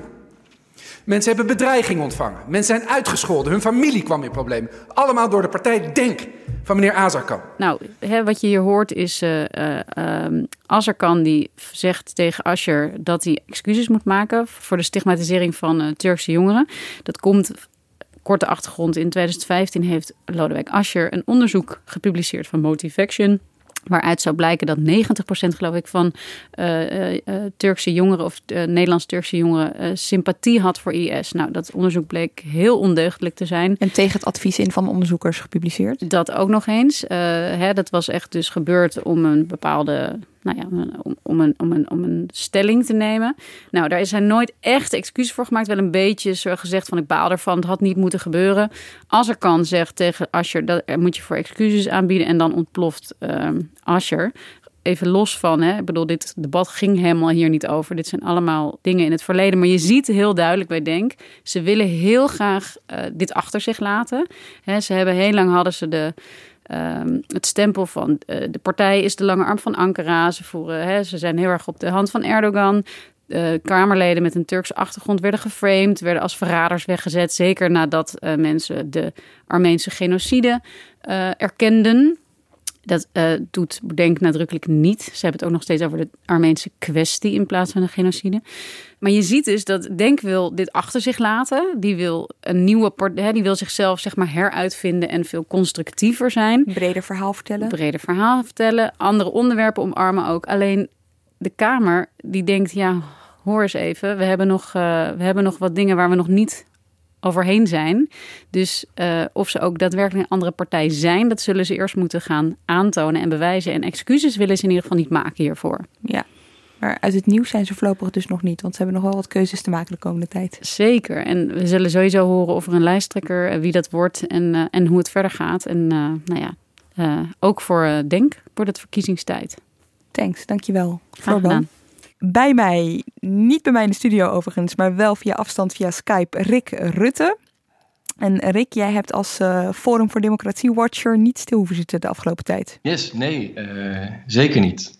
Allereerst omdat eh Forum volop in het nieuws was in de coronatijd. Als de partij die als eerste het hardste aandrong op een hele zware lockdown en daarna juist voor de snelste versoepeling.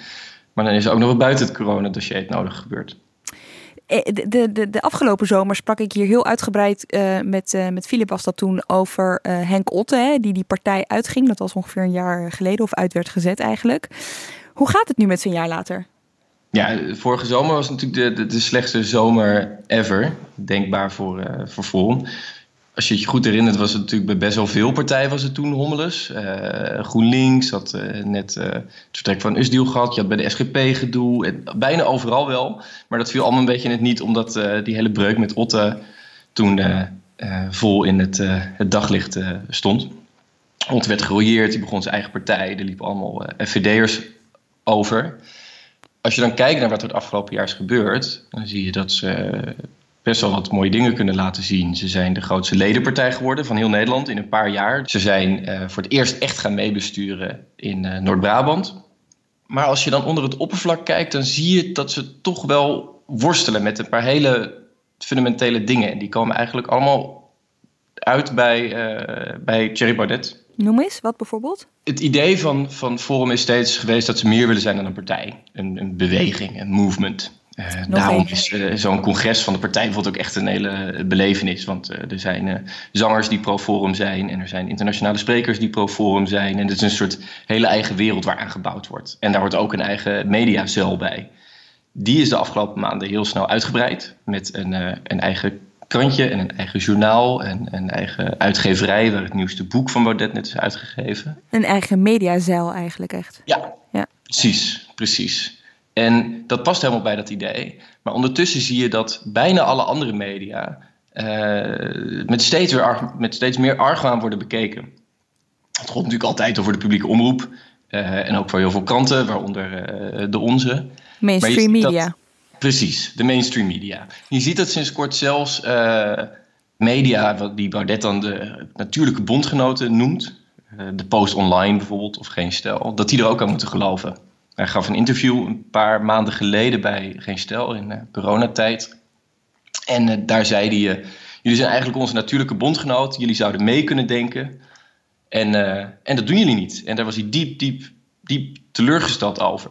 en sindsdien is het eigenlijk een en al geruzie. Hij heeft die, die twee media weggezet als kartelstutters, die ook bij het partijkartel horen. Hij heeft zijn abonnement op de Post Online opgezegd. het houdt eigenlijk niet op. En waarom doet hij dat? Ik bedoel, wat is zijn belang daarbij? Ik snap het niet zo goed. Nou, deze week het een interview bij Ongehoord Nederland. Dat is dan een van de weinige uh, plekken waar hij zich wel thuis voelt. Die nieuwe aspirantomroep van, uh, van uh, Arnold Karskens onder andere. En daar zei hij dat hij eigenlijk gewoon niet begrijpt waarom niemand wil zien dat de enige keuze die je in het politieke landschap hebt is de mainstream. de cultuur-marxistische mainstream, ook wel genoemd door Baudet. En zijn partij. En hij, is, uh, hij was er al opgebrand om zichzelf te omschrijven en neer te zetten als die ene die het opneemt tegen de rest. En nu er ook die eigen mediacel is, is er nog meer een soort bastion aan het ontstaan. Dat zichzelf heel erg ziet als uh, ja, die ene, dat ene Gallische dorpje dat, uh, dat het tegen de rest opneemt. Wordt het daardoor ook voor jou moeilijker? Ik bedoel, sluiten ze zich meer af, de partij? Dus de partij is natuurlijk meer dan alleen Baudet. Maar merk je dat het moeilijker wordt om, omdat ze dus hun eigen podia hebben, dat je als journalist moeilijker een ingang kan vinden? Ja, dat, dat, dat verschilt. Uh, het hangt ook heel erg van het onderwerp af. En uh, kijk, de eerlijkheid gebiedt ook te zeggen dat heel veel partijen, als het wat minder gaat, uh, wat minder loslippig worden. Um, maar die komen altijd terug, omdat ze toch behoefte hebben aan, ja, even heel plat gezegd, aan een, een, een medium om ook hun boodschap te kunnen verkondigen, weet je wel. Maar op het moment dat je je eigen mediazel creëert, heb je dat niet meer nodig. Ja, nou wat je, wat je bijvoorbeeld ziet is dat het uh, voor hen als partij veel makkelijker wordt om te verwijzen naar het laatste filmpje of het laatste item dat ze zelf hebben uitgebracht. Veel meer dan bij andere partijen.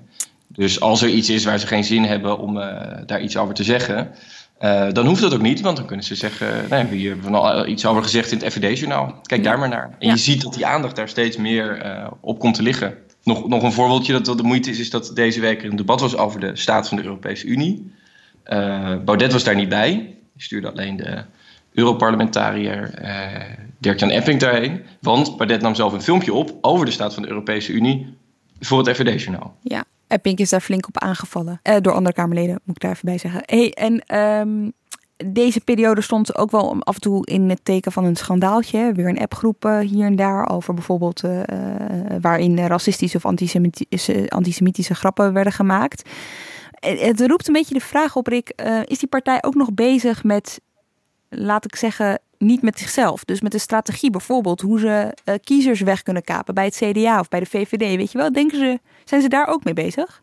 Nou, dit, dit is een hele goede vraag. En ook een vraag waar ik niet zelf het makkelijkste antwoord op kan geven. Ik denk dat het heel erg helpt om even terug te denken aan, de provinciale staatsverkiezing in 2019 En misschien zelfs nog iets verder naar 2017. Toen ze voor het allereerst meededen aan de Kamerverkiezingen. Die allereerste Kamerverkiezingen hadden ze. De hoogste score die ze daar ergens haalden was 6,1% van de stemmen. De laagste score die ze in 2019 haalden was 6,2%. Ze hebben het in elke gemeente in Nederland hebben ze het bij de provinciale statenverkiezingen beter gedaan dan, dan ooit tevoren. En 6,2% is al best wel veel. Dat is best een, uh, een prestatie. En dat heeft ook de andere partijen wel wat angst ingeboezemd. Dat, dat ze echt Bardet zagen als iemand die hun stemmen kon kapen. Ja. En dat idee van hé, hey, er staat hier een nieuwe brede volkspartij op dat lijkt een beetje weg te hebben. Door die opeenstapeling van het ene na het andere schandaaltje. En ik denk dat als je dan ook nog een heel eigen uh, mediabastion hebt. en je vooral daarop concentreert. ja, de vraag is wel hoe ver je daar dan juist die kiezers terug gaat winnen. Hij heeft in ieder geval een oud VVD'er aan zich gebonden. Hè? Wieberen van Haga is, uh, is, uh, is erbij gekomen. Zeker. Gaat ook echt best wel actief mee op campagne, zag ik, de afgelopen tijd. Ja, hij is een soort ja, mascotte geworden voor de ondernemers. Hè? Dus voor de, de, de, de kermis-exploitanten en volgens mij ook voor de, de dressuurpaardensporters zag ik al langskomen. Wieberende ondernemersvriend. En heeft hij met die ondernemersvriend, um, ja, heeft hij, wat, wat, wat, zie je, wat zie je gebeuren in de peilingen?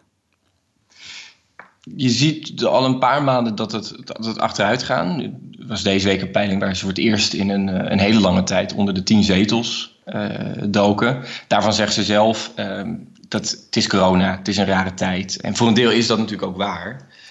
Het feit is wel, de PVV, die toch ook niet bepaald profiteert van een regeerbonus, die ging er ook twee zetels op vooruit in die peiling. Ja. En ook als je voorbij puur die peilingen kijkt, dan zag je gewoon de afgelopen maanden, door te kijken naar, ook als je gewoon kijkt wat, wat leden zeggen op FVD-fora, of wat dus men zegt in de, de comments bij en geen stel of in de post online. Dan zie je dat er toch iets, dat er wel iets verschuift. En dat kunnen ze niet allemaal aan corona wijten. Wat er verschuift en hoe dat gaat verschuiven, dat kun je natuurlijk uh, lezen in de krant. Maar ik zeg er ook nog maar eventjes bij in dit zeer soepel bruggetje. Jij maakt ook een wekelijkse nieuwsbrief. Namelijk. Klopt. De Haagse stemming. We gaan nu net het reces in. Oh. Maar schrijf je nu in en dan uh, wacht je over twee maanden uh, bij het ochtendgloren een hele fijne verrassing. Want zodra het reces voorbij is, zijn Wouter en ik er weer elke dag. Het is echt de slechtste reclame ooit eigenlijk. Hè? Schrijf je nu in en tot over twee maanden. Oké, okay, nou, dankjewel Rick Rutte. Graag gedaan. Fijn reces. En jij ook, zoals altijd, bedankt voor het luisteren. Redactie en productie van deze aflevering waren ook dit keer in handen van Iris Verhulstonk. Vanaf volgende week zijn we er even een tijdje niet met nieuwe afleveringen in verband met het zomerreces. Maar als je je abonneert op Haagse Zaken, zorgen wij er wel voor dat je je in die tijd niet hoeft te vervelen. En nog eventjes dit. Wij zijn er dus even niet, maar onze collega's van de podcast vandaag zijn er gelukkig nog wel. En volgende week maken zij een aflevering over corona. Uh, hoe ver zijn we met een vaccin? Komt er echt een tweede golf? Je mag naar de sauna, maar is het dan ook veilig om dat te doen? En hoe onverstandig is het nou echt om nu met je ouders af te spreken, terwijl iedereen om je heen het gewoon lijkt te doen? De onzekerheid rond corona leidt tot talloze vragen. En onze wetenschapsredactie gaat die één voor één beantwoorden. Maar dan moet je uh, wel van je laten horen. Stuur een voice message via WhatsApp. En het nummer is dan, pak pen en papier, 06 23 03 4494. Dan wens ik je voor nu een hele fijne zomer. En graag tot snel.